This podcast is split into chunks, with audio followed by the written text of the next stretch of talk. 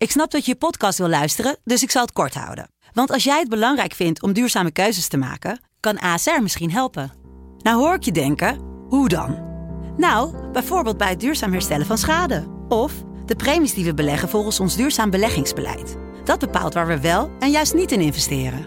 Wil je meer weten over welke duurzame keuzes ASR maakt? Ga dan naar asr.nl slash duurzame keuzes. ASR doet het. Zo, dan kan je nu lekker naar je podcast luisteren. Media. Het digitale front is mede mogelijk gemaakt door de cyberhersteldienst van Bisway. Hallo, mijn naam is Harm Teunis en naast mij zit Dave Maasland. De wereld van cyberaanvallen en digitale dreiging is voor veel mensen onzichtbaar. En dat is best gek, want de gevolgen zijn verstrekkend. Ook voor jou. En wij maken die onzichtbare wereld hier zichtbaar, hier aan het Digitale Front. Welkom bij een nieuwe aflevering. Dave, goedemiddag deze keer hè? Ja, vrij- vrijdagmiddag een keer. Ja, we nemen op vrijdagmiddag op. ehm, en vandaag bekijken we de Amerikaanse verkiezingen door een digitale bril. Jij draagt geen bril, ik wel. Die van mij is dan digitaal bij deze. Eh, maar Dave, jij, jij roept al een aantal weken dat je het hier heel graag over wil hebben. Ja, ik app jou hierover eh, regelmatig. En Ja. ook de redactie die misschien een beetje gek wordt van mij. Maar er komt heel veel samen. Eh, de opkomst van technologie, de, eh, eh, de voorkomende verkiezingsjaren. We hebben het hier vaker over gehad. 3 miljard mensen naar de stembus. De geopolitieke spanningen waar we in zitten. Nou, als je dat allemaal bij elkaar stopt, heb je volgens mij een enorme cocktail. En staan we hier op een soort, ja, toch wel keerpunt op, op verschillende punten. Dus volgens mij willen we het hier niet over hebben. Volgens mij moeten we het hierover hebben. Ja, dat is goed. Maar dat gaan we niet alleen doen, want we hebben ook weer een gast. Met uiteraard veel kennis van zaken. En dat is voor jou geen onbekende, Dave. Nee, ik denk als we in de middag op gaan nemen, hebben we ook iemand nodig met een beetje luchtigheid. Nee, dat is eh Raymond Mens. Zit natuurlijk vaak bij Vandaag in Site. En Ja. wat ik daar heel knap aan vind, is dat we moeten hele grote onderwerpen duiden. Maar we moeten ook zorgen dat het mensen blijft boeien en niet alleen maar zwartgallig wordt. En volgens mij is Raymond Mens iemand die die duidingskant heeft. En ook eh, een stukje luchtigheid af en toe kan brengen. Dus welkom. Goedemiddag. Goedemiddag, Raymond. Eh, is nog eens een herken je in het, in het beeld? Eh, ja. Mooi, mooi. ja, ik ben niet bezig, maar volgens mij Dave ook niet om op tv continu te laten zien hoe slim ik ben. Ik vind mezelf namelijk helemaal niet slim. Mm. Maar kun je op een toegankelijke manier eh, iets uitleggen, met als het kan ook nog een beetje humor. Ja. Dat is waar het om draait. In ieder geval bij Vandaag in Site, toch?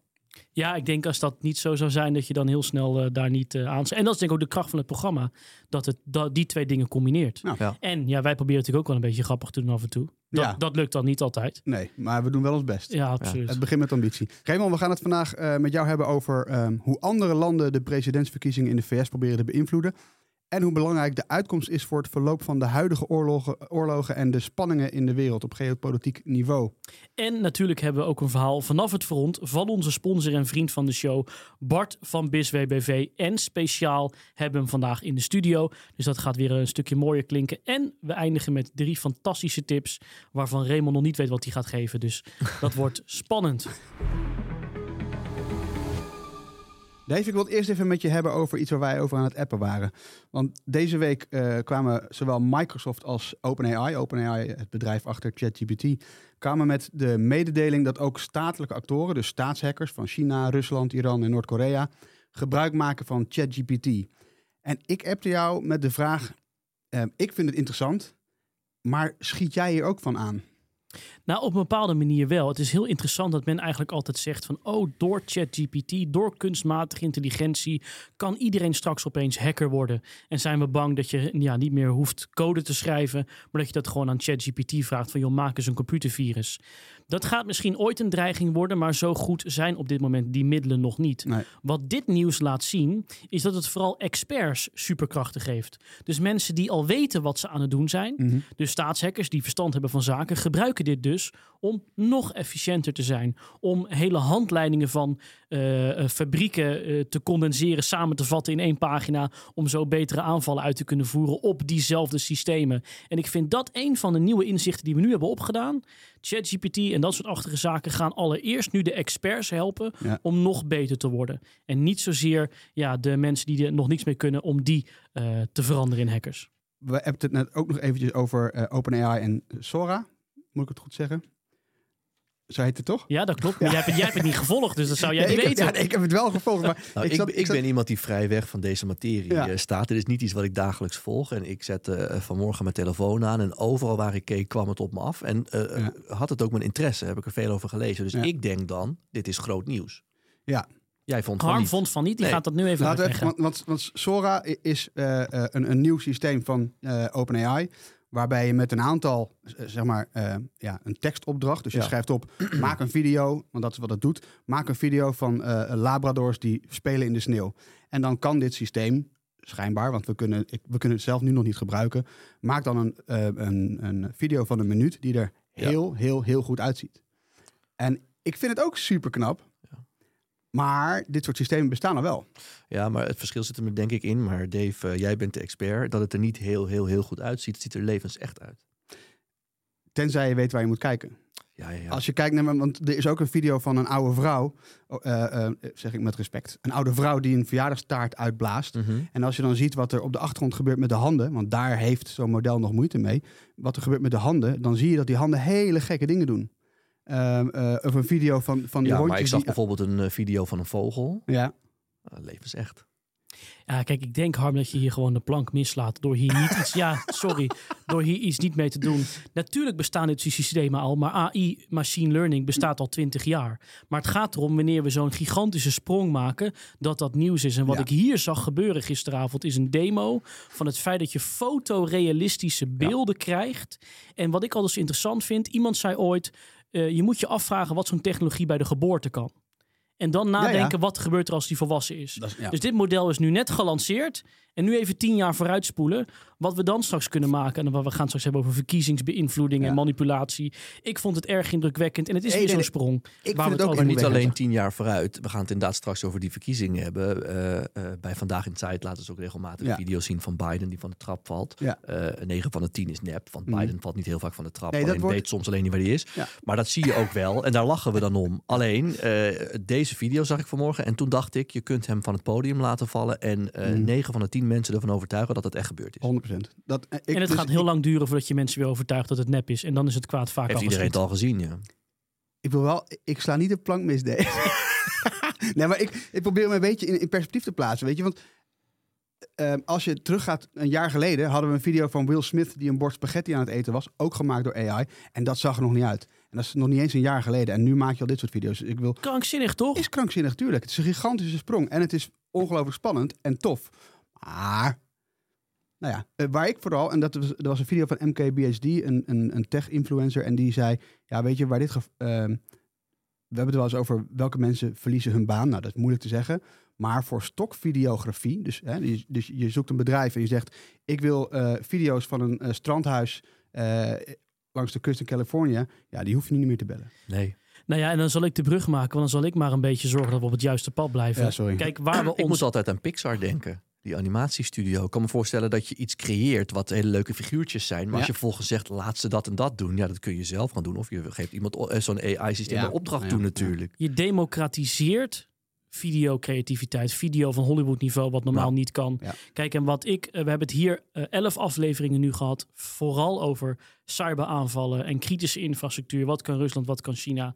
Maar als er nou één dreiging is op korte termijn, dan is het desinformatie en misinformatie met dit soort Ja. technologieën waar we nu nog even geen eh, eh, weerbaarheid tegen hebben. Dus de komende twee jaar worden echt heel erg spannend. Jij maakt het mooie bruggetje, Dave, naar de Amerikaanse verkiezingen. Eh, we zitten nu een beetje in de aanloop, Raymond. Ehm, wat valt jou op dit moment op aan de Amerikaanse verkiezingen en de hele aanloop waar we nu middenin zitten?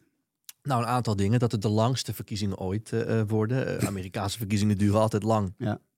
Maar je hebt vaak eerst nog een hele lange strijd eh, met voorverkiezingen. Die slaan we nu eigenlijk over. Want Biden wil door, gaat door en Trump. eh, normaal gesproken heb je dan een strijd over wie de tegenstander wordt. Maar die is eigenlijk koning van de Republikeinse Partij. Dus eh, we hebben nu al een tweestrijd tussen Donald Trump en Joe Biden. Ja.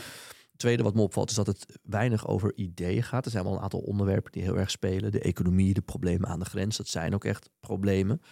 Ehm, maar het gaat vooral over wie hoort er wel en niet bij. Wie is er Amerikaan en wie niet. Het is heel erg bij tegen zij eh, denken. Ja. En vervolgens wordt die hele race in het kader van deze podcast dan eh, al gedomineerd door nou, flink wat eh, video's of suggesties die deels waar zijn of gewoon volledig gefabriceerd zijn. Ja. Het is heel moeilijk.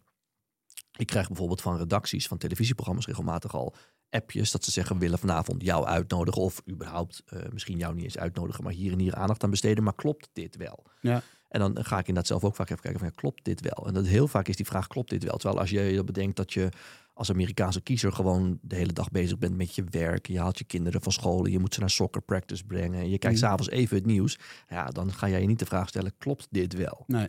Eh, er zit heel veel desinformatie ook in. Al. Maar- nu al, Gaat het al over de inhoud of nog te weinig? Te weinig. Ja. Het gaat wel over de inhoud. Nogmaals, de problemen aan de grens met Mexico, die zijn er echt. En dat is niet voor niks een eh, groot verkiezingsthema. De economie draait als een tierenlier, maar mensen voelen dat niet zo. Mhm. Dus eh, misschien beter gezegd, inflatie is dan een probleem. Dus daar gaat het wel over. Maar het is te veel een, eh, ja, soort cultuurstrijd. Ja. Cultuuroorlog. Die veel online, online plaatsvindt. Ja, zeker. Hm. Ja. Maar die vindt, hij vindt tegenwoordig overal plaats. Zelfs de Super Bowl. Ja. gewoon een eh, gezellige samenkomst is. Je gaat barbecuen en Taylor Swift is er ook. Wat leuk, wat leuk. Ja. Is nu al onderdeel van, eh, van de politiek. Dus ik kan, me, ik kan me voorstellen als je in Amerika woont. Kijk, ik vind het leuk. Het is mijn hobby. Maar dat je dan denkt van, "Pff, het is pas februari. We hebben nog heel lang te gaan. Nou, Ja. ik zag ook een soort eh, glimlach net bij je. En dat is natuurlijk hè, dat hele Taylor Swift Super Bowl verhaal. Maar vanochtend op Bloomberg, Bloomberg Business... 20% volgens onderzoek van alle Amerikanen Ja. gelooft dat Taylor Swift een complottheorie is om Joe Biden herverkozen te krijgen. Eén op de vijf Amerikanen. Ja. Is dat, verbaast jou dat soort dingen nog? Of, Ja, oh, Ja, toch wel? Ja. Ja, kijk, als, het, als er stond 5%, dan had het me niet verbaasd. Maar eh 20%, dat verbaast mij dan ook wel dat het nog zo eh, groot is. Maar ja, kijk, dat hele media-ecosysteem in de Verenigde Staten. eh, ehm, eh, kijk, als er dingen in de Verenigde Staten gebeuren, een schietpartij, een presidentsverkiezing, Mhm. een Super Bowl met Taylor Swift. eh, het maakt niet uit welke nieuwszender je kijkt of welke website je bekijkt. Die realiteit is er. Maar hoe ze dat vervolgens vertalen, dus wat gebeurt er nu echt? Waar zitten we nu naar te kijken?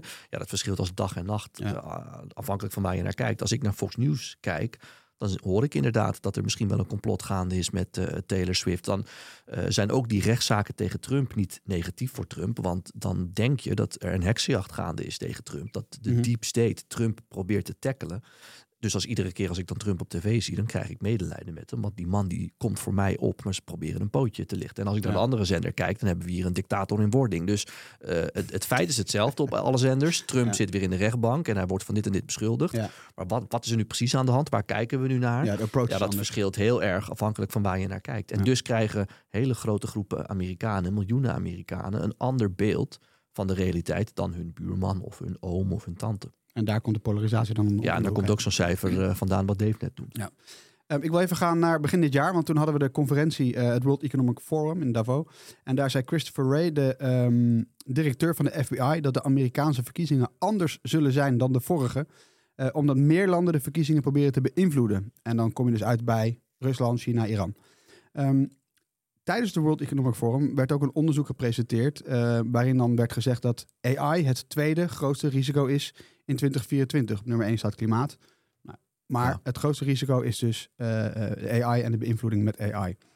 Ehm, kunnen jullie daarin vinden? Plek 2?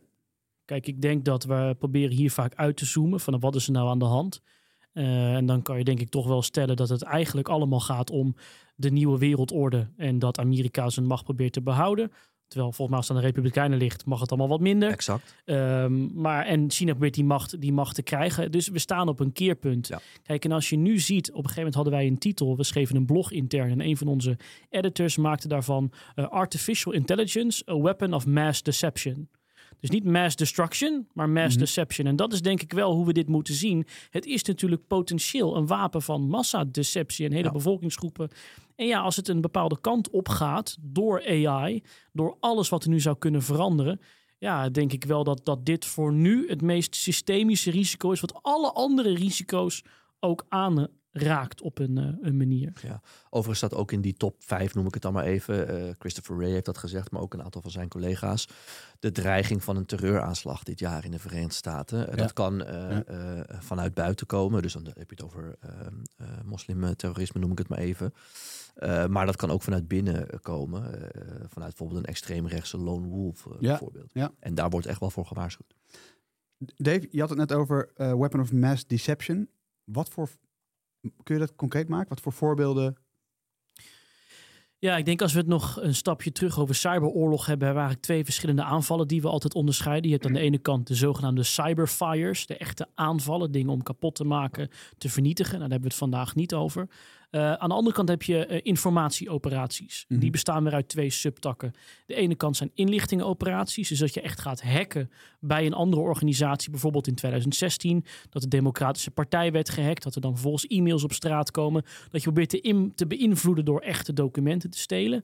en ook de informatiepositie als een Rusland zijnde. Ja, dat je beter weet wat er eigenlijk speelt. Mhm. En die andere tak van informatieoperaties is zeg maar beïnvloedingscampagnes. En dan kom je op het rijtje van nou, middel dat je middel van AI hebben we een paar kleine voorbeelden van gezien. Denk bijvoorbeeld aan het Pentagon wat in brand staat, wat opeens de beurskoers beïnvloedt. Ja. Of denk aan Joe Biden die in 2023 een speech zou hebben gegeven dat ze troepen naar Oekraïne sturen. Ja. Nou ja, dat gaat dan even viraal. En dan, daarna wordt wel weer bekend dat het niet zo is. Maar je ziet wel dat het even zo gebeurt. Overigens, jij hebt het over die, eh, dat hacken van die democratische eh, partij. Eh, we hebben eh, van het weekend, eh, vorig weekend Trump gehad. Hè? Dus die zei, nou ja, Rusland, doe maar wat, lekker wat je wil bij NAVO-landen die die 2%-norm eh, niet halen. Ja. De laatste keer in een campagne, dat was in 2015, dat Trump zoiets zei. Dat was toen dat gedoe was. toen had hij in eh, 2015 streed hij nog tegen Hillary Clinton. Toen was er gedoe over haar e-mails. Hè? Die zaten op haar persoonlijke server. Nou, dat waren dan classified e-mails, dus dat mocht helemaal niet. Ja. En toen heeft hij tijdens een persconferentie gezegd: Rusland, als je zit te kijken, doen jullie maar een poging. Hack haar maar. Nou, dat Ja. kon niet, want ze stonden op een privé-server. Die had ze vervolgens met een hamer kapot gemaakt. of laten doen. Eh, maar ze hebben wel inderdaad de Democratische Partij eh, gehackt. Dan kun je niet zeggen dat als Trump er niet om gevraagd had, dat ze het niet gedaan zouden hebben. Nee. Maar er is wel eh, een link te leggen tussen Trump, die dat natuurlijk vraagt, en dat het vervolgens gebeurt. Dus Ja. zo- ook zo'n uitspraak over de NAVO. Ik zou het wel serieus nemen. Ja. Ja, grappig, want ik, ik wilde het er ook over hebben, juist over deze, hè, want dit, zijn dan de presidentsverkiezingen van 2016 waar je Ja. naar verwijst. Ehm, hè, Trump die won die verkiezingen. Ehm, toen ging het bedrijf Cambridge Analytica, een Brits bedrijf, die, die had de gegevens van 50 miljoen Amerikaanse kiezers via Facebook buitgemaakt. Ja. Uiteindelijk zijn die gegevens gebruikt om kiezers voorafgaand aan de verkiezingen eh, persoonlijk te benaderen en dan in te spelen op hun angst en verlangens. Ja. Om ze dus eh, te, te- nou ja, eh, de ene kant dan wel de andere kant te laten eh, stemmen. Vooral de ene kant. Vooral de ene kant, ja. Ehm, alweer acht jaar geleden. En dat lijkt, dat lijkt echt heel lang geleden, eigenlijk. Ja. Ehm, hebben we enig idee wat er nu allemaal gebeurt? Want dit is dan 2016. Maar wat gebeurt er nu allemaal? Ja, nou, eh, twee dingen. Eén, eh, daar is ook een groot onderzoek naar eh, eh, geweest. Hè. De oud-topman van de FBI heeft daar onderzoek naar gedaan. Eh, dat ging met name over de vraag of Trump daar ook aan mee eh, gewerkt heeft. Eh, en in feite is de conclusie dat Trump er niks aan gedaan heeft. Dus Trump en zijn team wisten dat het allemaal gebeurde. Dat er met name op Facebook heel veel trollen actief waren. Ja. Eh, en er dus ook gehackt is in de Democratische Partijtop. En dat ook wel duidelijk was, zelfs eh, binnen de FBI, maar zeker ook binnen Trump. Die is ervoor gewaarschuwd dat dat vanuit Rusland eh, onder andere zou komen. En eh, de conclusie is eigenlijk, Trump wist dat, maar heeft er niks aan gedaan. De Ja. vraag is volgens, is dat strafbaar? Nou, dat is dan niet zo. Eh, maar het is niet zo dat hij het, nou, het is ook aangemoedigd, maar het is niet zo dat hij, dat hij, daar ging het over, was er sprake van een samenzwering, was er sprake van Russian collusion, heette dat steeds. Ja. Dat hij stiekem met allerlei Russen had afgesproken en dat dat is niet zo. Nee. Maar Trump wist er wel van en heeft het laten gebeuren. En dat is nu ook weer zo. De FBI, maar ook de CIA eh, en eh, de Department of Homeland Security. Want na 9-11 is er één departement gekomen. Dat heet Homeland Security. Om te zorgen dat al die diensten een beetje eh, samen kunnen Ja. werken. Want dat was een van de kritieken na 9-11. Eh, we wisten dat er een aanslag op handen zou zijn. Maar de een had dat stukje van de informatie. Exact. De ander had dat stukje van de informatie. Nou, dat moet nu beter gaan. Gaat niet perfect, maar gaat wel beter. Ja. Eh, en nu weten we eh, een aantal dingen. Dat er opnieuw eh trollenlegers actief zijn. Dat is wat we weten. We weten ehm, eh, dat er een informatieoorlog natuurlijk ook gaande is. Zie het interview met Tucker Carlson met Poetin. En we Ja. weten dus dat er in de diepe krochten van het internet... en daar verwijst de CIA dan naar... dat er eh, gesproken wordt over mogelijke aanslagen. En daar komt vooral het verhaal van die lone wolves vandaan. Hè? Ja, ja. Rechtsextremisme viert... eh, eh, eh, dat, dat, dat, dat, dat bevindt zich met name in die diepe krochten van internet. De FBI zegt heel goed te weten wat zich daar afspeelt. Alleen zegt, omdat het continu om eenmansacties gaat, is het vrijwel onmogelijk om iets te voorkomen. Ja. Dus dat zijn de drie schaakborden waarop eh, de inlichtingendiensten in ieder geval actief zijn en waarover ze waarschuwen. En dan hebben we het nog niet eens gehad over AI inderdaad, maar dat is dan een beetje onderdeel van die informatieoorlog.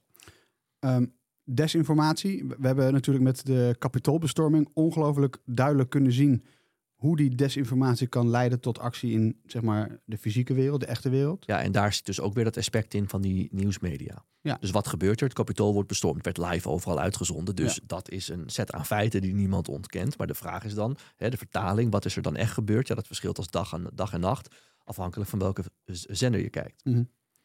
D- Dave, als je dat ehm, aanhoort, hoe, hoe, hoe zie jij dat? Hoe luister jij daarnaar? Nou, ik denk dat die, ehm, het, dus het feit dat je in je bubbel zit in het algoritme. Kijk, ik ben een vervent X-gebruiker. Ja. En daar zie je dus hoe hard het kan gaan. Ik vond dat interview van Tucker Carlson gewoon erg interessant. Ook hoe hij nu probeert eh, neer te zetten dat de supermarkten in Rusland goed gevuld zijn. Het allemaal wel meevalt.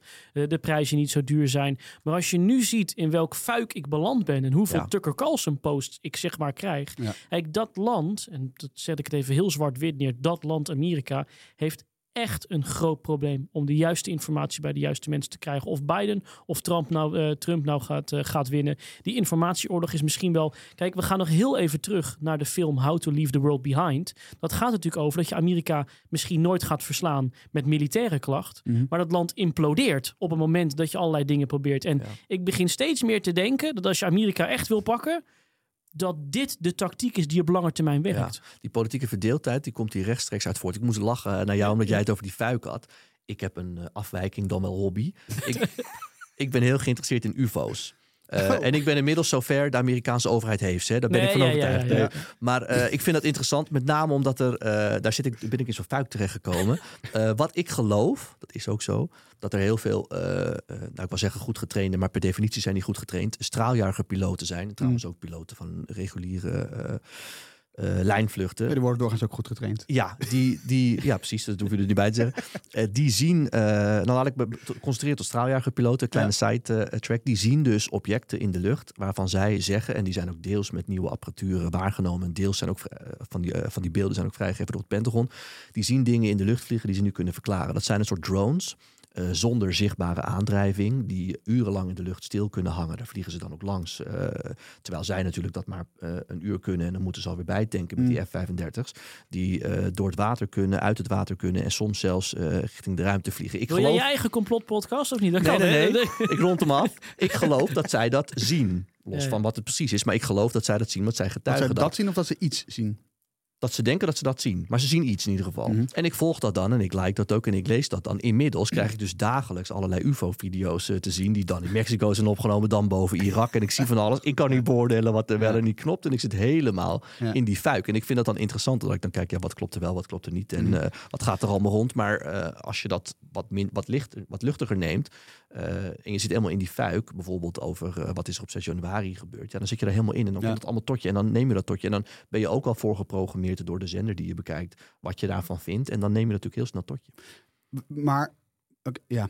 Wat wij zeggen. Even, ja, nou, een zijpad. Jij zegt de zender die je kijkt. Hoeveel lineair tv kijk jij?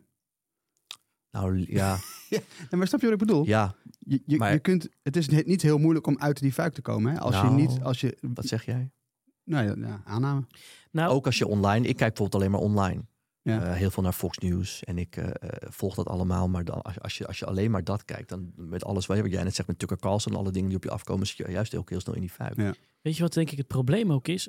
Ik heb daar last van. Je hoeft niet in de fuik te zitten om beïnvloed te worden. En het vervelende is, denk ik, dat de meeste mensen van oorsprong eh, toch genuanceerd zijn. En altijd wel denken, nou, een verhaal zal twee kanten hebben. Is er en Ja. wat desinformatie heel vervelend doet, Mhm. is toch dat zaadje planten. Ja. Wat nou als er twee kanten aan een verhaal zitten? Wat als het misschien nou mee... Ik denk dat heel veel mensen niet radicaal zijn, maar er een hele grote middengroep soms beelden ziet van zo'n Tucker Carlson en denkt, oh, nou, misschien valt het wel mee. Misschien... Dus in plaats van het weg te zetten als Poetin is een kwaad en vreed regime, Ja. Mhm. nou, misschien zit er ook een andere kant aan. En, dan, en ik denk dat Ja. dat een van de grootste gevaren ook is. Maar- Ja, nou ja, neem, dat heb, daar heb ik zelf ook veel mee te maken. Eh, eh, Trump heeft allerlei rechtszaken aan zijn broek eh, hangen, allerlei dingen gedaan die niet kunnen. Ehm, dan wordt er vanuit de Republikeinen gezegd: Joe Biden, hè, crooked Joe Biden, is net zo erg, want die heeft eh, zijn zoon allerlei schimmige zakendeals laten doen. En dan is er, wordt er steeds in tekstberichten een big guy genoemd. En dat zou dan de vader Joe zijn, en die heeft er ook geld aan verdiend. Ja. Hoeveel tijd ik niet kwijt ben, A, om uit te zoeken of het wel of niet klopt. Maar ook vanuit mezelf heb ik altijd zoiets van: ik vertel daarover, bijvoorbeeld bij VI of ergens anders. En ik kan niet één kant van het verhaal vertellen. Dus ik kan niet aannemen dat Joe Biden nooit iets fout heeft gedaan. Dus je gaat erin duiken, je gaat allerlei dingen uitzoeken. Omdat je ook denkt, ze zullen What een if? punt hebben. What if, als het Als toch er wat is. is, ja. ja, eh, ja. en en, en eh, ja, zo word je daar misschien zelf ook deels in meegezogen. Maar het is natuurlijk wel een gezonde manier om daarna, op die manier naar te kijken van what if. Maar daardoor word je er ook in meegezogen. Maar al- als je nou kijkt naar ehm, die beïnvloeding en je hebt dus hè, verschillende groepen, waar maak je dan het meest zorgen om? Wie is er het meest vatbaar voor die beïnvloeding? Want Als je in Nou, die fuik twee, zit. twee dingen. Eén, eh, dat merk ik ook als ik met Amerikanen praat, zowel vrienden als mensen die ik gewoon in de kroeg in Amerika aanspreek. De Mhm. waarheid bestaat niet meer. Dus de waarheid wordt door iedereen op een andere manier beleefd. Ik noem steeds, omdat ik daar toevallig veel over geschreven en gelezen heb. Ik heb eh, een boek over de nieuwsmedia geschreven, dat noem ik als voorbeeld. Maar Mhm. dan, dan concentreer ik me echt op de opkomst van Fox News en dus een beetje de televisiewereld. Maar de hele online wereld kunnen we erbij trekken. Ja. De waarheid aan zich bestaat niet meer. Ga met de gemiddelde Amerikaan bijvoorbeeld over 6 januari eh, praten. Je krijgt heel verschillende ehm, verhalen van Mhm. wat er die dag precies gebeurd is. Allemaal gestoeld op een beetje van de actualiteit of van de realiteit. Eh, en, en wie is daar het meest vatbaar voor? Ja, eh, kijk, mensen die ontevreden zijn over de politiek. Sowieso natuurlijk, omdat mensen dan denken van er moet iets niet kloppen en Mhm. eh, eh, mij wordt niet de waarheid eh, verteld. Maar eh, als ik mezelf als voorbeeld neem, het is mijn werk om dat allemaal goed te volgen. Dus ik zorg dat ik alles lees. Maar als je dat niet doet en je concentreert je op een paar bronnen Ja. die gekleurd zijn, dan ben je natuurlijk vatbaar om daarin meegezogen te worden en één kant van het verhaal te krijgen. Over welke complottheorie heb jij getwijfeld? Zag je er op een gegeven moment één dat je bij jezelf dacht... Nou, de, bijvoorbeeld, de, het is niet echt een complottheorie, de, de- al die rechtszaken die tegen Trump bijvoorbeeld lopen. Hè, dan zegt Trump, er is een complot gaande vanuit eh, de overheid. Maar ik kan me ook niet geheel aan de indruk onttrekken, denk ik dan, dat er een aantal openbaar aanklagers zijn Die denken, van let's democratische huizen die dan denken, let's go. Waaronder eh, mevrouw in Georgia, Hm. Eh, die ook tijdens haar verkiezingscampagne heeft gezegd, eh, ik ga eh, Trump aanpakken. Die zat overigens gisteren zelf in het beklaagde bankje, omdat ze iemand heeft aangesteld om dat allemaal te onderzoeken. En daar heeft ze vervolgens een affaire mee gehad. Maar goed, dat er zeiden. maar dan ga je wel bij jezelf denken, hoe professioneel gaat dat allemaal? Ja, aan, En, en aan 6 de andere januari, moet ik heel eerlijk zeggen, heb ik ook wel. Ik kijk heel veel Fox News. Dat ik ook wel bij mezelf denk van, hè, eh, daar, daar zeggen ze bij van, er zitten dus allerlei mensen in van allerlei linkse actiegroepen en TIFA. Mhm. En die hebben daar lopen rellen. Dus ja, eh, geloofd is een tweede, maar ik heb wel getwijfeld. Ik ga toch kijken, wat klopt daarvan? Hoe, hoe wapent de VS zich tegen zeg maar, die fuik en, en, en Niet. niet? Niet. Dus die kunnen is we een gewoon. free-for-all. Ja. Nee, kun je echt zeggen, Ja, free-for-all. is het zo? eh Ja, vind ik wel. is Kijk, het zo'n eh, arena, gladiatoren arena? Ja, nou, waar ik me eh, dus echt jarenlang in verdiept heb, is dus die televisiemedia. Nou, daarvan kun je echt zeggen, er is een free for all. Ehm, de, het feit dat eh, eh, eh, nieuwszenders en nieuwsprogramma's een grote cash cow zijn. Mhm. eh, en dat je steeds meer een bepaald publiek wilt bedienen. En dat wordt alleen maar erger. Mhm. Zie ik niet in hoe dat beter wordt. Er zijn ook helemaal geen regels eh, eh, voor. Je kunt doen Maar en laten wat niet- je wil. Dat het niet is, wil niet zeggen dat het niet kan natuurlijk. Dat er regels kunnen komen. Ja. ja, dat klopt. Maar ik zie dat niet gebeuren. Eh, want ik zie niet in dat ze op wat voor manier dan ook nieuwsmedia proberen eh, te reguleren of te beperken. Ik zie dat niet gebeuren. En online zie ik het helemaal niet gebeuren. Als het bijvoorbeeld gaat om Facebook en wat daar wel op niet op gebeurt of op X, Hm. lopen was Europa vooruit op de Verenigde Staten. De, eh, Ja. Het congres in Amerika gebeurt sowieso vrij weinig. Maar ik zie het echt als een free-for-all, ja. Ja, ik ben wel benieuwd hoe kwetsbaar Amerika nou is voor beïnvloeding door andere landen. En vooral wat dan het doel is van die landen. Maar daar gaan we het zo over hebben, Harm. Mhm. Want we gaan eerst natuurlijk bellen met Bart van BISWBV. Ja, en we zeiden natuurlijk, of beter gezegd, ik zei we gaan bellen met Bart. Maar dat is niet zo, want Bart, je zit tegenover me. Daar ben ik natuurlijk heel blij mee. Bart Lagenweg van BISWBV, onze sponsor, vriend van de show, helpt bedrijven uit de problemen die last hebben van digitale aanvallen. En ons iedere week kort een verhaal vanaf het digitale front vertelt. En eh, nou ja, welkom hier, eh, Bart. Ja, dankjewel. En we hebben het vandaag over de Amerikaanse verkiezingen. En jij kon het natuurlijk niet laten om daar dan ook even bij aan te haken natuurlijk. Jazeker, je noemde het al even. Er is absoluut een dreiging dat digitale criminelen, bijvoorbeeld betaald door landen, de Amerikaanse verkiezingen proberen te beïnvloeden. En er heerst een risico dat bijvoorbeeld Russische hackers stemcomputers proberen te hacken. En niet in alle staten wordt gestemd met een potlood, zoals we dat hier kennen, maar ook met stemcomputers. En daar is vanuit diverse overheden volle aandacht op. Alleen het is sterk de vraag of ze daar op tijd mee zijn. Ja, en dan is het toch interessant hè Bart. Waarom zijn juist die machines dan het exacte doelwit? Nou, die machines zijn dus niet altijd het doelwit, maar je ziet juist dat de randen daaromheen heel erg interessant zijn. Uh, je moet je voorstellen, bij een gemiddelde partij uh, zijn de updates voor de Windows PC's best goed geregeld. Hè? Dus iedereen weet wel, je moet die dingen even herstarten, Windows Update uitvoeren. Volgens mij zit dat wel aardig tussendoor. Maar wat we juist zien is dat machines die niet zo boeiend zijn, dat die vaak vergeten worden. Dus bijvoorbeeld uh, de printersoftware of de printerserver, lampen, software, allemaal hele interessante apparaten. Ja, precies. Ja, en die apparaten die worden niet heel erg belangrijk geacht. Um, of ze worden bijvoorbeeld heel weinig gebruikt. En het kan bijvoorbeeld zo zijn dat zo'n hacker niet direct in zijn stemcomputer inlogt of gebruik van maakt of inbreekt, maar op onbelangrijke apparaten in de buurt dat gaat doen. Maar goed, dan ben je op die apparaten in de buurt. Wat is daar dan weer specifiek het gevaar van? Nou ja, dat die systemen die worden dus eigenlijk zelden goed geüpdate of geaudit. Er zitten altijd ja, eh, randen van het netwerk. Um, die lekken worden dus niet gedicht. En daardoor kunnen digitale criminelen makkelijk via zo'n apparaat doorstappen. Een vijandelijke hacker kan proberen gewoon op die manier binnen te komen. In de hoop dat ze dus op deze manier bij die stemcomputers bijvoorbeeld terechtkomen. Ja, en dit moet een bruggetje zijn volgens mij, Bart. Die apparaten aan de randen van het netwerk. Vertel, ik voel een tip aankomen. Ja, dat kan Wat moeten we anders, doen? ja, hackers of digitale criminelen, wil ik even vanaf zijn, hoe je ze ook noemt, gaan echt op zoek naar die onbelangrijke apparaten. Om die te proberen te kraken of te hacken. En uh, dan ben je dus altijd te laat hè, als ze daar al binnen zitten. En we zien dat echt regelmatig gebeuren. We hebben veel voorbeelden ervan. Dus wat moet je doen? Van tevoren zorgen dat je dat in kaart hebt. Dat je in ieder geval weet wat het draait, hoe goed ze beveiligd zijn. En dat je dus inzichtelijk hebt hoe dat gaat.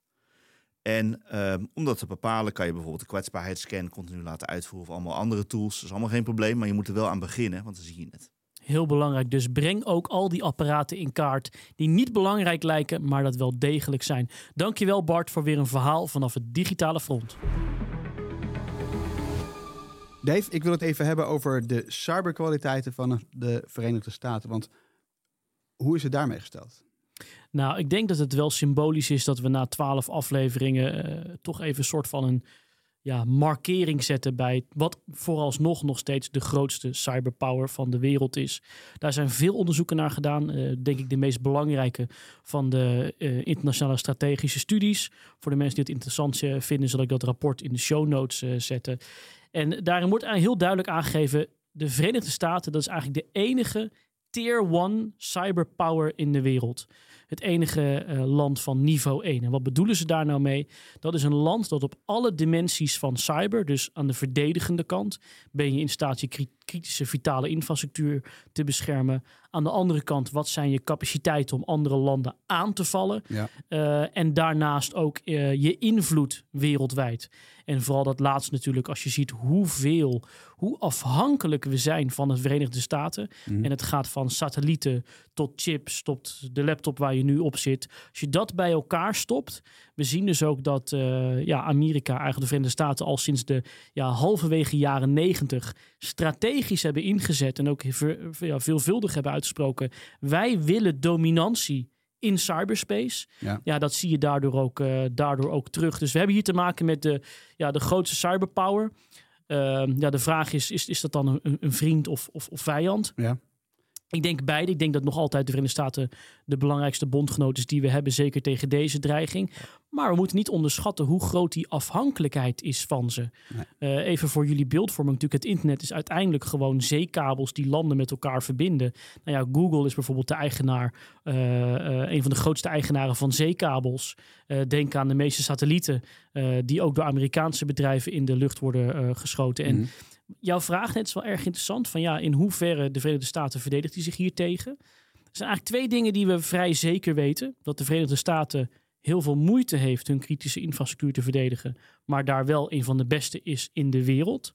Daarnaast weten we, dat hebben ze een mooie term voor, voor high intensity war. Dus op het moment dat het erom zou spannen dat de Verenigde Staten ja, uh, de meest aanvallende capaciteiten hebben om energienetwerken plat te leggen, om echt op grote schaal zeg maar, digitale mm. oorlog te voeren. Dat, uh, dat, dat zien we, die krachten die ze hebben. De vraagtekens die men nog heeft bij de VS is die low intensity war, dus informatieoorlog, et cetera. Daar zie je, er zijn niet zo heel veel voorbeelden van, van beïnvloeding, dat vooral China en Rusland daar heel erg, uh, heel erg goed in wat zijn. Ik, wat ik me wel afvraag, want we hebben best wel, er zijn natuurlijk heel veel cybersecurity bedrijven die publiceren over aanvallen. Ja. Uh, met name aanvallen op het Westen. De andere kant op lees ik niet zoveel over. De grote aanvallen, die hebben we hier besproken. Stuks, net hebben Ja. we het over gehad. Ehm, maar hoe, hoe kunnen we dan zeggen dat zij zo'n groot of zo'n goed cy- cyber... Nou, de cyberkwaliteiten zo goed zijn? Want we hebben vorige week ook gezegd... China eh, meer cybersoldaten dan eh Leiden inwoners heeft. Ja, goed. Dat, ik vind, je, je, je wijst tegen dat we wat dingen moeten verduidelijken. Omdat we natuurlijk China ook op een bepaald podium hebben neergezet. En we nu toch zeggen VS is de, de tier one. Er zijn een aantal dingen aan de, aan de hand. Sowieso in de digitale wereld is het niet per se kwantiteit over kwaliteit. Ah. Omdat je natuurlijk in cyber kan je dingen schalen. Dus het gaat vooral hoeveel knappe kopje, koppen heb je. Mm. Ja, en als je dan ziet wat Amerika met de, de, de heeft, de eh inlichtingendienst, ook militaire inlichtingen, inlichtingendienst. Als je ziet hoeveel techbedrijven ze hebben. Er zit heel veel gecondenseerde kennis daar in, eh, in Amerika. Ehm, dus ja, als je dat allemaal op één grote hoop stopt van ook de doctrine in Amerika, de integratie van de verschillende diensten. eh, dat ze al 30 jaar investeren ze hier zwaar in. Hun hele ja, strategisch denken is heel erg gebouwd op dat, eh, op dat Mhm. cyberstukje. En kijk, natuurlijk zien we wel aanvallen als die er zijn. Hoe geavanceerd die zijn. We hebben eh, afgelopen maanden een aanval gezien op het Russische antivirusbedrijf Kaspersky. Eh, daar zouden de iPhones zijn gehackt. Ja, dan wordt er naar de NSA gewezen. En in de gemeenschap is dat ook eigenlijk wel toegewezen aan de, aan, aan de NSA. Ehm, ja, als je dan ziet hoe dat gaat, Harm, door een berichtje te sturen naar een telefoon. Je hoeft niets te doen, niets te openen, niets te klikken. En ze nemen meteen je hele iPhone over. Camera, beelden, volledig alsof iemand hem in zijn eigen handen heeft. Mhm. Vervolgens verwijdert dat berichtje zichzelf weer. Dus als slachtoffer zie je nooit wat er überhaupt gebeurd is. Dat hebben ze vier jaar lang kunnen doen. En dan zou ik afsluiten met denk even na dat Amerika in 2008 in staat was Mhm. om Stuxnet te hacken. Of Stuxnet eh, die, die aanval uit te voeren in het Iraanse kernprogramma. Ja. We zijn nu twintig jaar later. Dat was toen al een van de meest geavanceerde computervirussen op aarde. We hebben van Snowden gezien wat er is uitgelekt. Wat voor middelen Amerika toen had om wereldwijd mensen op individueel niveau in de gaten te houden met een paar drukken op de knop. Ja, laten we ons geen illusies maken hoe ver Amerika nu is met hun cyber intelligence programma, hun verdedigingsprogramma, maar ook wat ze aanvallend te brengen hebben. President Biden, maar dat hoort ook een beetje als je de Amerikaanse president Ja. bent, zegt altijd van eh, if we do it together, there's nothing we cannot do. Eh, en het gaat heel goed met Amerika, maar daar heeft hij natuurlijk wel een eh, punt. Dave noemt net wat er allemaal op cybergebied speelt. Maar als je überhaupt kijkt naar het defensieapparaat van de Verenigde Staten. Ik weet Mhm. dat er allerlei opkomende landen zijn, China, India, die daar flink in investeren. Maar it's not even close at the moment. Mhm. Als je kijkt naar de Amerikaanse economie, die draait als een tierenlier. Als je kijkt naar het feit dat er nog steeds ontzettend veel mensen graag in Amerika willen wonen. Dat er heel veel jonge mensen daar eh, zijn die onderdeel willen uitmaken van toch die American Dream.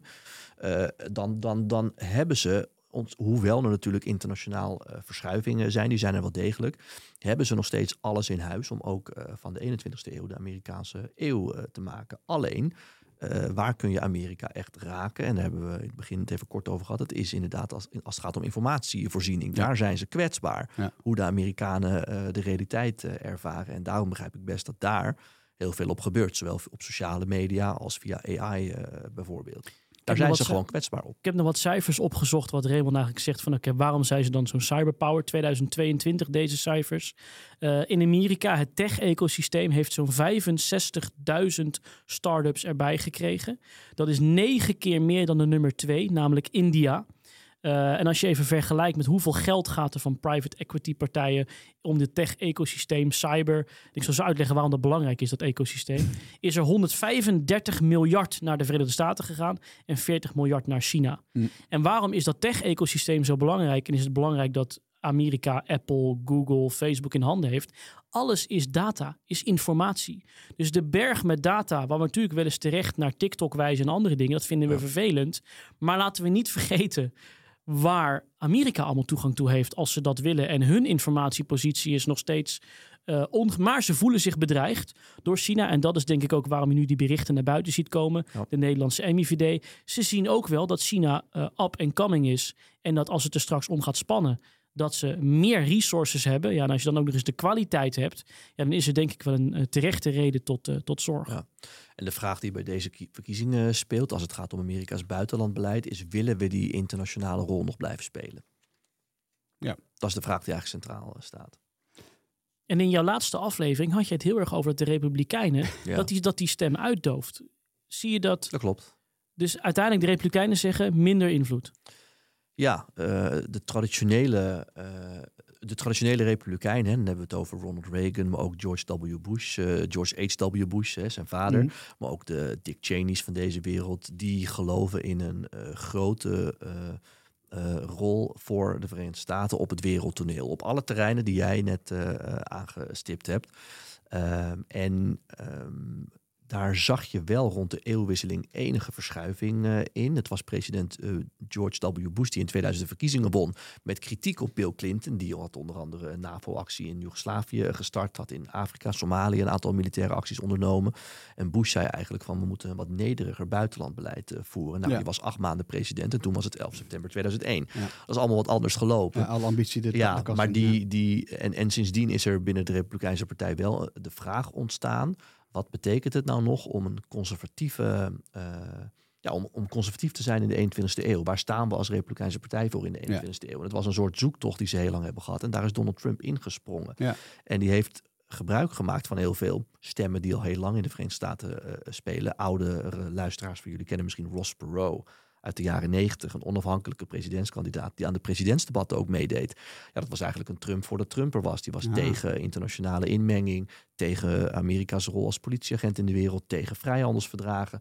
Dus die onderstroom is er altijd geweest. Trump heeft, dat, eh, ja, heeft daar handig op ingespeeld Ja. en heeft nu de Republikeinse Partij eh, omgevormd. eh, naar een partij die zijn platform omarmd heeft, namelijk we plaatsen Amerika weer op één. En die traditionele Republikeinen, de dochter van Dick Cheney, Liz Cheney, Mhm. eh, maar ook Jeb Bush, eh, de broer van George Bush, zijn allemaal nog actief.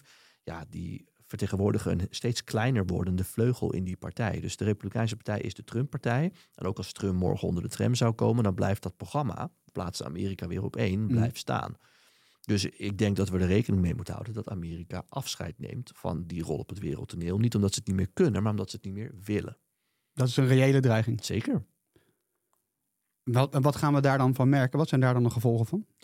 Nou, als we, nou, we hebben het even kort over de NAVO gehad. Dat we voor onze eigen veiligheid eh, moeten betalen. En dat Ja. komt natuurlijk ook weer terug op het gebied van eh, eh, cyber. En dat komt ook terug in de concurrentiestrijd met landen als China en, en India en andere landen die opkomen. Indonesië wordt vaak vergeten, speelt ook een grote rol. Mhm. De Verenigde Staten gaan ons dan niet meer helpen. En als ze het al doen tegen een hoge prijs. Kijk, Trump is de eerste die ons met van alles en nog wat wil helpen. Maar dan is er wel meteen, hier is mijn rekening. Ja. Er zijn wel eens analisten die, die hebben gezegd... ehm, deze verkiezingen zijn, eh, kunnen bepalend zijn voor de, de outcome, zeg maar, de, de uitkomst van de oorlog in Oekraïne. Ja. Zie jij dat ook zo? Jazeker. Ja. Kijk, het is te makkelijk om te zeggen dat Trump, eh, als hij de presidentsverkiezingen zou winnen, eh, op de escape-druk een knop zou drukken en zou zeggen van we stoppen er allemaal eh, mee. Het is ook Trump geweest. Eh, die, eh, want deze week heeft Poetin gezegd: Ik heb eigenlijk liever Biden dan Trump. Nou, Geloof je dat? Ik geloof dat, ja. Dat geloof ik echt. Eh, los van dat dat ook weer onderdeel van een spel kan zijn. Dat zie ik ook meteen. Maar ik geloof ook wel waarom het zo is. Omdat er bekend is dat... Kijk, hoe slechte verhoudingen ook zijn... ehm, alle defensie...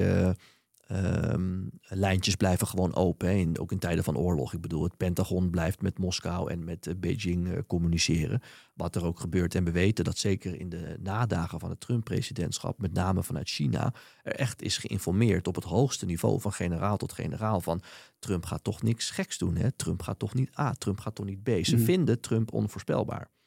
En Trump vertelt zelf vaak de anekdote dat hij Poetin wel eens gebeld heeft. En dat ging volgens mij ook over Oekraïne. Eh, waarbij hij tegen Poetin heeft gezegd: Als jij iets doet daar, dan bombardeer ik Moskou. Ja. Trump vertelt dat ook vaak tijdens eh, rallies. En dan zegt hij altijd tegen mensen: en mensen moeten daarom lachen. Ik denk niet dat hij me gelooft hoor, maar al gelooft hij me maar voor 5%. Hij twijfelt toch. Ja, ja, ja. Zal hij het wel of niet doen? Eh, Trump is onvoorspelbaar en daar houden grootmachten niet van. Zeker vanuit China wordt het niet gewaardeerd. En als Poetin zoiets zegt, dan kan ik mij daar dus ook wel iets bij voorstellen. Hm. Dus het is niet zo dat Trump zich per se van het wereldtoneel kost wat kost wil terugtrekken, maar hij wil daar wat voor terug. En. Trump denkt alleen maar, ik noem dat een dollardoctrine, Trump denkt alleen maar in geld. Die denkt niet in traditionele westerse waarden, het vergroten van Amerika's invloedssferen, het beschermen van de democratie. Dat interesseert hem niet. Het gaat om geld. Is dat kortzichtig? Dat kun je kortzichtig noemen. Maar er zijn heel veel Amerikanen die daar al lang, heel lang voor pleiten. Ja. Dave, ik wil het met jou nog even hebben over operatie Doppelganger. Nee, ja, het is wel goed wat je, hoe werken dat soort beïnvloedingscampagnes nou? En kijk, je ziet dat uh, Rusland daar heel strategisch over nadenkt. Natuurlijk zijn er wel eens ad hoc acties waarvan je verwacht, nou ja, een post, een filmpje, een video. Maar operatie Doppelganger wordt wel omschreven als de meest agressieve en grootschalige uh, beïnvloedingscampagne die we tot nu toe kennen. Het is eigenlijk een netwerk aan social media accounts en neppe websites uh, van zo'n 2000 accounts die ook actief zijn, ook vandaag de dag nog. Mm -hmm. Zo rond 2022 is die operatie begonnen. En wat deze operatie bijzonder maakt, is dat ze vooral echte nieuwsoutlets één op één namaakten. Dus de website van Fox News ja. pakte. De websites pakte van grote Duitse bladen vanuit Frankrijk in Oekraïne. Dat kopieerde en daar vervolgens compleet andere teksten op plaatste, artikelen op plaatste. Maar ja, vanuit Rusland? Vanuit Rusland. Okay. Die is ook echt uh, ook door Facebook zelf toegewezen aan, uh, aan Rusland.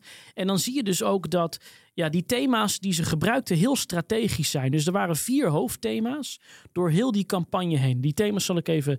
Uh, het, ik weet niet of dat een correct woord is, maar het, het Westen is Russofoob. Oftewel, we, zijn, we maken eigenlijk Rusland tot een soort paria wat niet hoeft. Sancties werken niet. Het Oekraïense leger is barbarisch. En Oekraïense vluchtelingen zijn een last voor de EU. En op al die thema's lieten ze dus filmpjes en andere dingen zien om hmm. dat sentiment te versterken. En dan zo op die manier. Ja, en dat is waarom ik dit graag even wilde toelichten. Als je dan de aard en omvang en het feit dat dit nog steeds actief is. En het ons niet lukt om dit soort accounts te sluiten of die grens tussen vrijheid van meningsuiting. Daar speelt Elon Musk natuurlijk nog een bepaalde rol in. Ja, en hier zie je dat hier tegen verdedigen, tegen dit soort omvangrijke en misschien juist wel als Amerika zich terugtrekt op het wereldtoneel, -hmm. dat ook cyber een belangrijk middel wordt om toch buiten je landsgrenzen te opereren zonder troepen te sturen. Maar vandaag kwam naar buiten dat Amerika een grote cyberaanval heeft uitgevoerd op dat schip wat door Iran uh, wordt, uh, uh, wordt bestuurd, ja. om juist ja, geen drones in te zetten onder die, het niveau te blijven van we vallen je fysiek aan, maar wel ervoor te zorgen dat de informatie niet die kant op gaat. Dus ja, hoe, Rus, hoe Amerika hiermee omgaat met deze dreiging, ja, dat, uh, ja, dat, dat blijft echt heel, heel interessant. Um, Raymond, je zei net, uh, Poetin is waarschijnlijk niet echt fan van een onvoorspelbare Trump. Um, maar hoe zit het met de andere landen waar wij het in ieder geval hier vaak over hebben, maar die zeker in dit verhaal belangrijk zijn? China, Iran, Noord-Korea. Vinden die dat spannend? Ja, volgens mij geldt daar hetzelfde uh, voor. Uh, volgens mij geldt voor al die landen. Ik noemde het toevallig, uh, of toevallig, maar ik noemde Rusland en China als voorbeeld. Mm. Maar voor die andere landen geldt hetzelfde. Bij Poetin zei erbij, bij Biden weet je wat je aan hem hebt. Want hij is een traditionele politicus en dat klopt ook. Ja. Al is het maar omdat hij al 70 jaar lang in de politiek zit. hij is een traditionele politicus. en, en dat ja. heb je als je op zo'n groot, of zo'n hoog niveau moet ik zeggen, schaakt, dan wil je dat natuurlijk ook. Ja. En dan wil je niet iemand die onvoorspelbaar is. Uh, kijk, de achterban van Trump waardeert het wel dat hij bijvoorbeeld gewoon naar Noord-Korea is gegaan. Uh, en die zeggen ook van ja, maar hij gaat gewoon het gesprek aan. Het is niet gelukt, maar je kunt altijd nog beter een gesprek aangaan met iemand. En dat loopt dan niet zo soepeltjes als dat je elkaar doodzwijgt en vervolgens allebei maar probeert om uh, in staat van oorlog te zijn. Zij waarderen ja. ook dat hij met Poetin gaat praten. Ja. Um, maar um, de kritiek is natuurlijk van de Democraten dat, Poet, dat Trump op een podium heeft gestaan met Poetin. En heeft gezegd dat hij Poetin eerder gelooft dan zijn eigen inlichtingendiensten. Ja. En dan heb je natuurlijk uh, de poppen aan het dansen. En dan ga ik dus weer twijfelen als al die aanklachten er zijn. Uh, we hebben het over enorme belangen. Ja. Dus ik geloof wel dat er mensen in de Amerikaanse overheid zijn die zeggen: het maakt niet uit wat, trek die hele poppenkast leeg, maar deze man moet stoppen. Mm -hmm. Dat geloof ik wel. Daarom geloof ik ook dat mensen denken dat Taylor Swift erbij zit. Al had ik niet verwacht dat het zoveel zou zijn. Uh, John Stewart is vorige week weer teruggekomen mm -hmm. met de Daily Show alleen voor de verkiezingen. Alles wordt uit de Do kast whatever it takes. om Trump te stoppen. Uh, yeah. Ik zeg heel vaak twee dingen kunnen tegelijkertijd waar zijn. Dus dat Trump dingen heeft gedaan die niet kunnen is natuurlijk ook waar. Ja. Uh, is de andere kant ook niet dat mensen met veel macht goed gecontroleerd moet, moeten worden? Tuurlijk, tuurlijk. Je hoort mij ook niet zeggen dat het niet zo is. Nee, nee, nee. nee. nee dat wil ik je zeker niet in de mond leggen. Nee, hey, um, nee dat moet nou, zeker. Als we nou um, um, een beetje vooruit gaan blikken, toch even die glazen bol erbij pakken. wat denk jij dat de uitkomst wordt van de, van de presidentsverkiezingen? Uh, nou, ik ga in ieder geval 10 euro rekenen per keer dat iemand mij dat vraagt. Puur omdat ik er veel geld mee ja. kan verdienen, want iedereen ja. vraagt het. Ja. Uh, en ik weet het antwoord niet. Uh, want het, het, duurt gewoon nog heel lang. We hebben het net gehad over mogelijke dreigingen. Waar echt voor gewaarschuwd wordt. Dus dat kun je niet zeggen. Wat we kunnen zeggen is dat Trump er momenteel heel goed voor staat. En als ik mijn geld op iemand moet zetten, zet ik hem op Trump. Mm -hmm. En dat is eigenlijk niet heel veel anders dan waardoor Geert Wilders in Nederland eh, de verkiezingen heeft eh, gewonnen. Ik noemde net die twee thema's die spelen. Hè? Ja. De problemen aan de grens Ja. met Mexico en de inflatie. Eh, ik denk dat Wilders de verkiezingen heeft gewonnen omdat de meeste mensen minder immigratie willen en meer geld in hun portemonnee willen. En dat geldt in de Verenigde Staten ook. Ja. Wil niet zeggen dat de Amerikanen zich geen zorgen maken over al die dingen die Trump gedaan heeft die niet door de beugel kunnen. 60% van de Amerikanen zegt, dat maken mij als wel zorgen om, al die rechtszaken. Maar 70% van de Amerikanen, en dat was nog een onderzoek voor vorige week toen het fout ging, eh, twijfelt aan de mentale gesteldheid van Joe Biden. En dat was nog voordat er vorige week een rapport uitkwam waarin stond dat het een elderly man with eh, eh, toch wel moeilijke mentale capaciteit in het Witte Huis zit. En denk je dan toch niet juist dat kunstmatige intelligentie, of laten we gewoon even zeg maar desinformatie, Ja, misschien toch een doorslaggevende factor gaat zijn? En waarom zeg ik dat? Er zijn nu onderzoeken waarin blijkt dat de, de Texas border crisis, de crisis aan de grens bij Texas, is het meest gebruikte onderwerp op social media om mee te manipuleren en Ja. dingen uit context te halen. En ik denk ook dat Geert Wilders in Nederland op thema's als immigratie grotendeels goed gescoord heeft. ja, ja.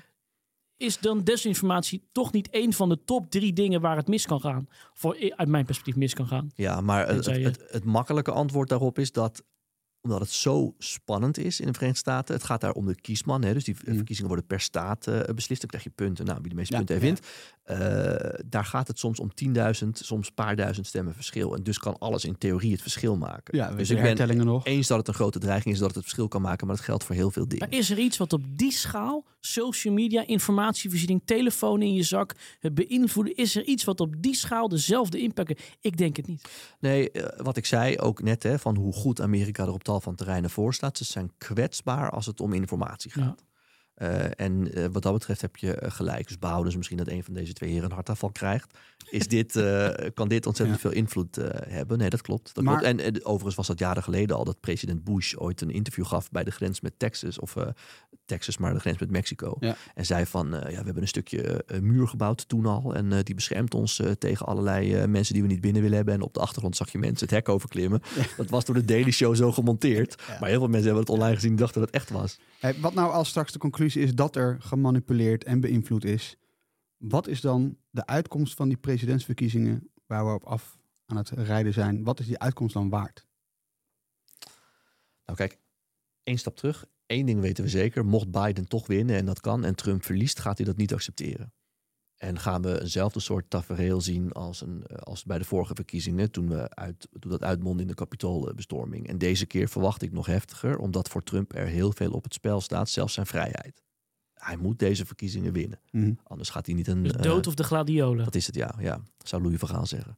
Eh, dus dat is één. Eh, het twee is, stel Trump zou winnen bijvoorbeeld. En uit onderzoeken zou dan blijken dat eh, dat deels komt doordat ze kwetsbaar zijn geweest als het gaat om informatie. En heel veel mensen ook complottheorieën hebben geloofd. Ik doe overigens Trump dan tekort, hè, want er Mm. zijn terechte zorgen die Trump eh, brengen naar de plek waar die komt. Maar stel dat zou dan een conclusie zijn, dan zal er gesproken worden en een eh bespreek ik het alleen even vanuit Amerikaans perspectief, om toch te kijken of ze daar enige regulering in kunnen aanbrengen. Alleen als ik het Amerikaanse congres het afgelopen twintig jaar gevolgd heb, en dat heb ik, Mm. gaat er niks veranderen. Dus dit blijft een kwetsbaar punt. Je hoopt uiteindelijk dat al die technologieën waar we het hier vandaag over hebben, en daar weten jullie veel meer van dan ik, uiteindelijk ook een goede ontwikkeling brengen. Ja, absoluut. Alleen dat gaat helaas nog. En dat is zo spannend. Mijn slotpleidooi. We leven nu in een, in een soort. We hebben even een, eh, een ravijn op dit moment. Ja. Waar we uit moeten komen. Er zijn heel veel technologieën aan. Dus die worden gebruikt al door de kwaadaardige eh, kant. En we moeten nog echt aan die verdedige kant werken. Dus we hebben nog zo'n 1, 2 jaar nodig. om dingen eh, ja, wat beter te maken. En de vraag is: hebben we die tijd? En wat is als we over twee jaar weer hier zitten? Wat is dan allemaal veranderd? En wat kunnen we Ja. daarvan nog terugdraaien? Eh, mijn slotpleidooi. Het is overigens Trump geweest die een nieuwe militaire divisie heeft opgericht. De Space Agency. Want daar is ook nog een hele interessante strijd gaande. Ja. Nou goed, eh, kunnen we In nog een podcast 2018 over- heeft hij een soort nationale crisis afgekondigd om vitale infrastructuur te beschermen. Dus Ja. Trump heeft wel iets met cyber. Zeker. De cyber is so big right now. Ken je het nog? Dat heeft hij gezegd hè, op het podium. The cyber is De so big. De cyber is de so big. The cyber is so big. It's so big. It's huge. It's huge. We have the biggest. Yeah, and, and nobody was talking about it before I was talking about it. Nobody was talking about it. But now I'm talking, and everybody's saying like, oh, this is so great. This is so great. It's all me, all me, all me. Ja, zo gaat het dan. Dit wordt een gifje. Hè? Ja. en heel veel China. China, China. We eindigen altijd met een inspirerende noot. Ehm, dus hebben we cybertips meegenomen. Ehm, ik ga je gewoon eh, voor de bus gooien. Raymond? Ja, jij mag hem aftrappen. Ja, nou ja, eh, ik, ik neem cyber dan een beetje eh, breed. eh, want dat is niet wat ik dagelijks me mee bezig hou. Maar als je een beetje geïnteresseerd bent in data, dan kan ik heel erg... En je bent geïnteresseerd in de Amerikaanse verkiezingen. Ik kan me voorstellen dat je nu naar ons geluisterd hebt en dacht, daar wil ik meer van weten. Kun je natuurlijk naar mij Zou luisteren. volkomen terecht. Ja, maar er is een man die heet Steve Kornacki. Kornacki met CK aan het einde. En dat is de Herman de Scherman van NBC News. Eh, en dat is, eh, als, zij daar, eh, als zij daar verkiezingsuitzendingen hebben, Ja. dan staat er rechts onder in beeld ook de Kornacki cam. zodat je altijd kan zien wat Kornacki aan het doen is. En als hij daar altijd hetzelfde outfit, een beetje beige broek en een wit overhemd, opstroopte mouwtjes. En als hij Ja. dan weer naar het scherm loopt en wat koffie drinkt en een beetje aan het in- en uitzoomen is, dan denk je, oh, dan moet ik blijven kijken, want straks komt Steve Kornacki weer. Die moet je volgen op Twitter of volg hem op Instagram. En hij kan jou heel goed uitleggen wat er precies waar in Amerika speelt, op kiezersniveau, op straatniveau ook. Eh, eh, en dan heb je misschien een iets beter. Als je nou wil weten van hè, hoe zit het nou precies met die verkiezingen en hoe spannend is dat en eh, waar kan het verschil gemaakt worden, eh, dan doet hij. Hij kan op een hele mooie manier al die data inzichtelijk maken. Herman de Leuk. Scherman on steroids. Steve Kornacki. Dave. Ja, ik moet het eh, doen. En hij zit hier, maar er is ook een reden dat hij hier zit. Omdat ik ook naar zijn podcast luister. eh, Amerika in 15 minuten. En dat is natuurlijk wel wat we hier proberen te doen. Wij proberen hierbij... 15 minuten? Nou, dat, is, dat lukt ons nooit. Eh, maar goed, Ja. eh, dat, dit zal wel aan ons liggen. Iemand zei ooit heel beroemd: Ik schreef u een lange brief, want ik had geen tijd voor een korte. En dat is waarheid als een koer. Als je iets Ja. kort wil doen, kost meer tijd. Dus kudos voor Raymond. Nee, maar dat is dus al wat wij hier proberen te doen aan het digitale front. Is de dingen verbinden met elkaar. Wij zeggen altijd: als je naar onze podcast luistert en je snapt de digitale kant wat meer, dan begrijp je ook de rest van de wereld wat meer. Mhm. Maar dat is natuurlijk helemaal waar als je door de lens van Raymond kijkt, die wat meer geopolitiek erbij pakt, de hele situatie. Dus ik beveel je aan, als je wat breder wil kijken, Amerika in 15 minuten vult perfect aan bij alles wat we hier bespreken. En dan ga je zelf heel goed de puntjes kunnen verbinden met elkaar. Mooi. Nou, dan moet je daarna moet je een boek lezen. Dan moet helemaal niks. Nu heb ik eh, de tip Dagboek van een invasie. Eh, een boek geschreven door Andrei Kurkov. Eh, dat is de bekendste schrijver van Oekraïne. Zeg ik even, ehm, ehm, misschien wat korte bocht, maar... ehm, en het, is, het boek is letterlijk eh, een dagboek van de Russische invasie in Oekraïne. Dat dagboek begint in december. Gaat eerst over zaken die eigenlijk niet heel veel met de oorlog te maken lijken te hebben. Ehm, corona komt voorbij, hoe het gaat in de kroegen, eh, nou ja, van alles nog wat. Ehm, maar onderhuids eh, beschrijft hij de angst voor de komende invasie, voor de invasie van de Russen in Oekraïne, totdat het zover is. En dat begint dus nou ja, in, in december, eh, voorafgaand eh, aan de oorlog in 2022. En het gaat door tot half juli. Ehm, waanzinnig goed geschreven. Eh, eh, ik- nou, ik zit er nu middenin. Eh, je kunt hem eh, kopen in het Engels. Eh, dan heet het dus de Di- Diary of an Invasion. Of is een Nederlands dagboek van een invasie. Je kunt hem ook bij Storytel, is hij als luisterboek te checken. Dus als je veel in de auto zit, is dat mijn, eh, mijn tip. Eh, dagboek van een invasie. Heel goed eh, aansluitend bij onze... onze- Indrukwekkend, hè? Ja, Die zeker. tips van Harm. Ja, dat ja. is ik dacht even het dagboek van herdershond. Maar Ehm, dit was het Digitale Front. Wij zijn Harm Teunis en Dave Maasland. En naast ons zit Amerika-deskundige Raymond Mens. Raymond, bedankt. ja, graag Dat je hier was. Was leuk. Heel tof, eh, inspirerend weer. Ehm, je kunt ons volgen via X, Dave Maasland, Harm Teunis en via Digitale Front. Raymond, jij ook een eh, X-account? Zeker. Dit is het moment. Ja, heel- mens. Ja, heel goed. Ja, misschien is het eh, Herman de Scherman on steroids. Dat is ook dat zou kunnen, ja. Ed Raymond Mens dus. Trump- heb, je nou, Trump-fan. nee hoor, die is niet Maga zo. 99. Ja. heb je nou tips of wil je ons eens vragen? Mail ons op het digitale front kortimedia.nl. Korti, C-O-R-T-I. Tot volgende week. Tot volgende week. Het digitale front is mede mogelijk gemaakt door de cyberhersteldienst van Bisway.